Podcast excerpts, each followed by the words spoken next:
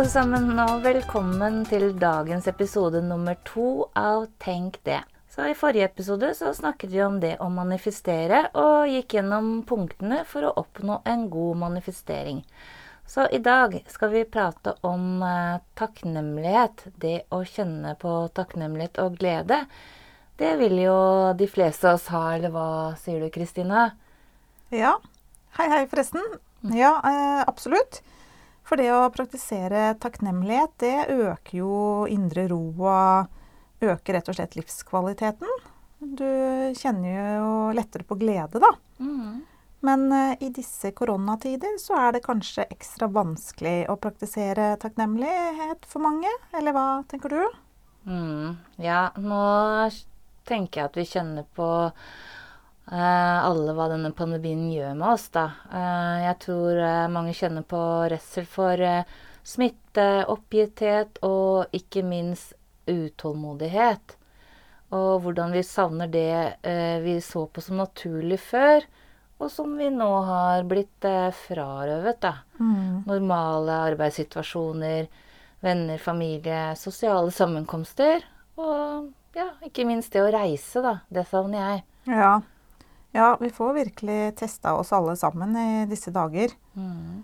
Men hvis vi snur situasjonen rundt, da, så har vi jo mer tid til å fokusere på oss selv nå enn før korona. Mm. Tidligere var jo dagene for veldig mange i hvert fall preget av tidspress og prestasjoner.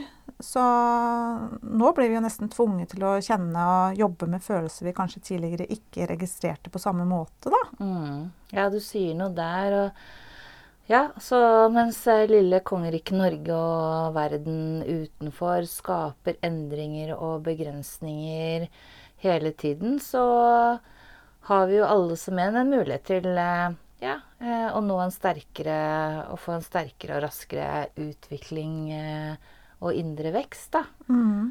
Ja. Slik velger i hvert fall jeg å se på det, og er personlig takknemlig for det.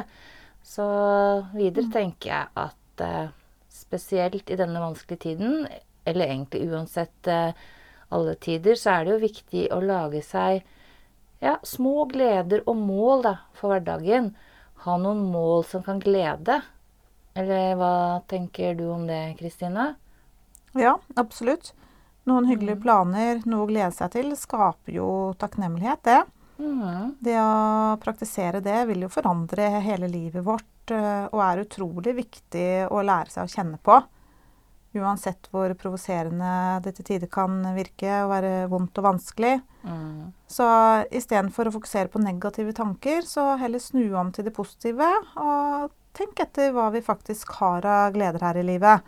For eh, vi har, vi har jo alle noe. Ja, ja. Ja, det har vi absolutt. Og vi har jo lett for å glemme å takke i hverdagen. Eh, og jeg tror dette kanskje er en av hovedårsakene til at vi kan ha utfordringer med gode manifestasjoner, da.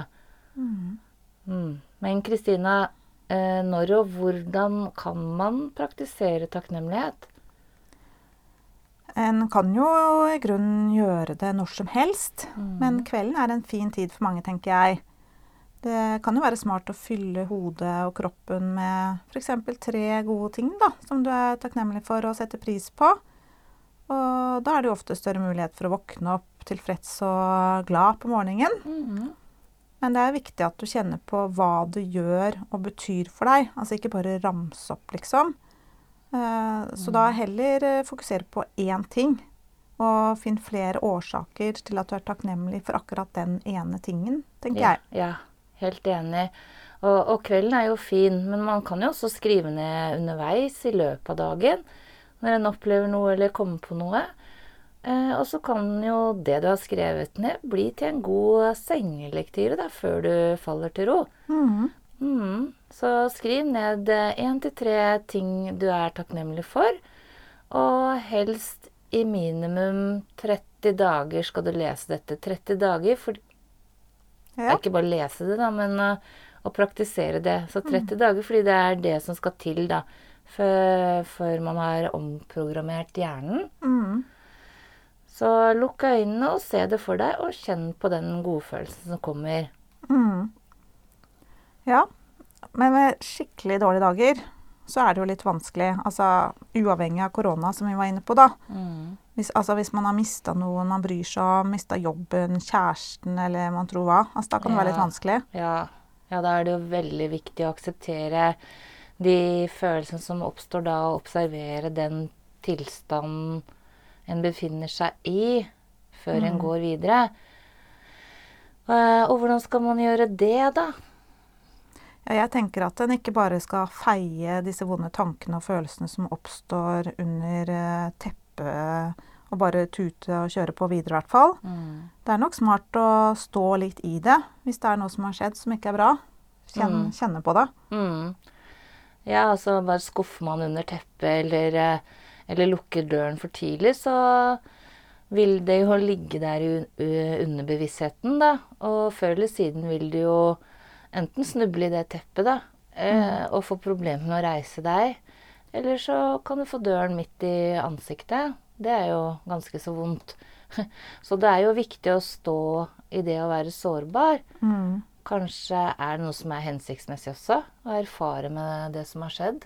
Ja. Mm. ja, så det er jo kjempeviktig å jobbe seg gjennom før en går videre. Det vil jo alltid være noen negative ting som skjer i livet vårt, men vi er jo selv ansvarlige da, for hvordan eh, vi vil ta det. Mm. Ja, noe annet eh, som også kan bidra til å føle glede i livet, er vel å gi positive tilbakemeldinger til andre. Det, det gjør ofte jeg da, hvis jeg er i dårlig humør. Det å gi en positiv bemerkning til et annet menneske gir jo mye til meg selv også. Ja, du gir positiv feedback og får det samme i retur. Mhm. Ja. Og jeg for min del syns det er flott eh, øh, å f.eks. å dele det jeg er takknemlig for. Med enten arbeidskollega, familie, gode venner. Ja, barna, ikke sant. F.eks. som i mitt tilfelle er datteren, da. Vi har jo innført en sånn uh, takknemlighetsstund. Der vi setter oss ned og deler hva vi er takknemlige for i løpet av dagen. Absolutt veldig smart.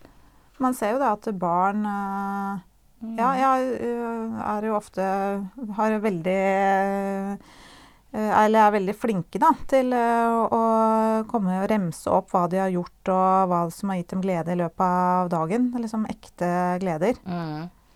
Ja, barna er jo ekte og ærlige av natur, og vi har rimelig mye å lære av dem.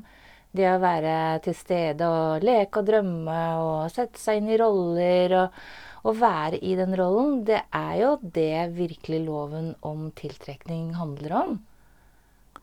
Ja, men syns du det er vanskelig å finne noe å være takknemlig for, så kan du prøve å være litt sånn nysgjerrig på hva du har og ikke vil miste. da. Mm. Så blir det tydeligere for deg hva du er glad for. Absolutt. Ja, ja eksempel bilen, da. Livet vil jo straks vært mer komplisert uten bil, i hvert fall i mitt liv. Ja, samme her. Ja. ja. Ja, vel, eh, da har vi jo kommet til veis ende for denne gang. Men øh, kanskje vi skal oppsummere litt? Mm, ja, altså punkt én eh, Sett av tid til å kjenne på opptil tre ting du er takknemlig for. Mm. Mm. Punkt to Kjenn på følelsene det gir deg. Og punkt tre Gjenta dette i minst 30 dager. Ja. Og da vil du automatisk, forhåpentligvis, få mange positive tanker.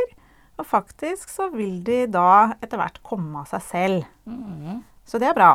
I neste episode da skal vi snakke om eh, ubevisste manifesteringer. Ja. Og det gjør vi jo mye av uten at vi er klar over det, så det blir veldig spennende.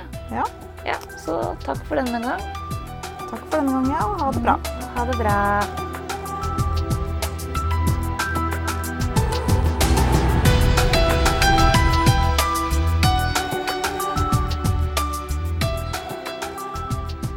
Kurier i media.